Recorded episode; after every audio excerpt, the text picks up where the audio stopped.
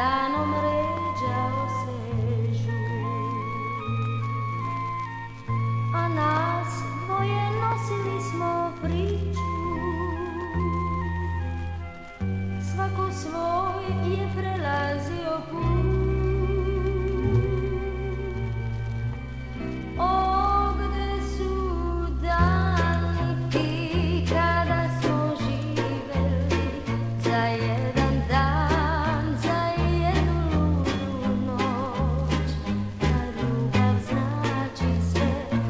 a srce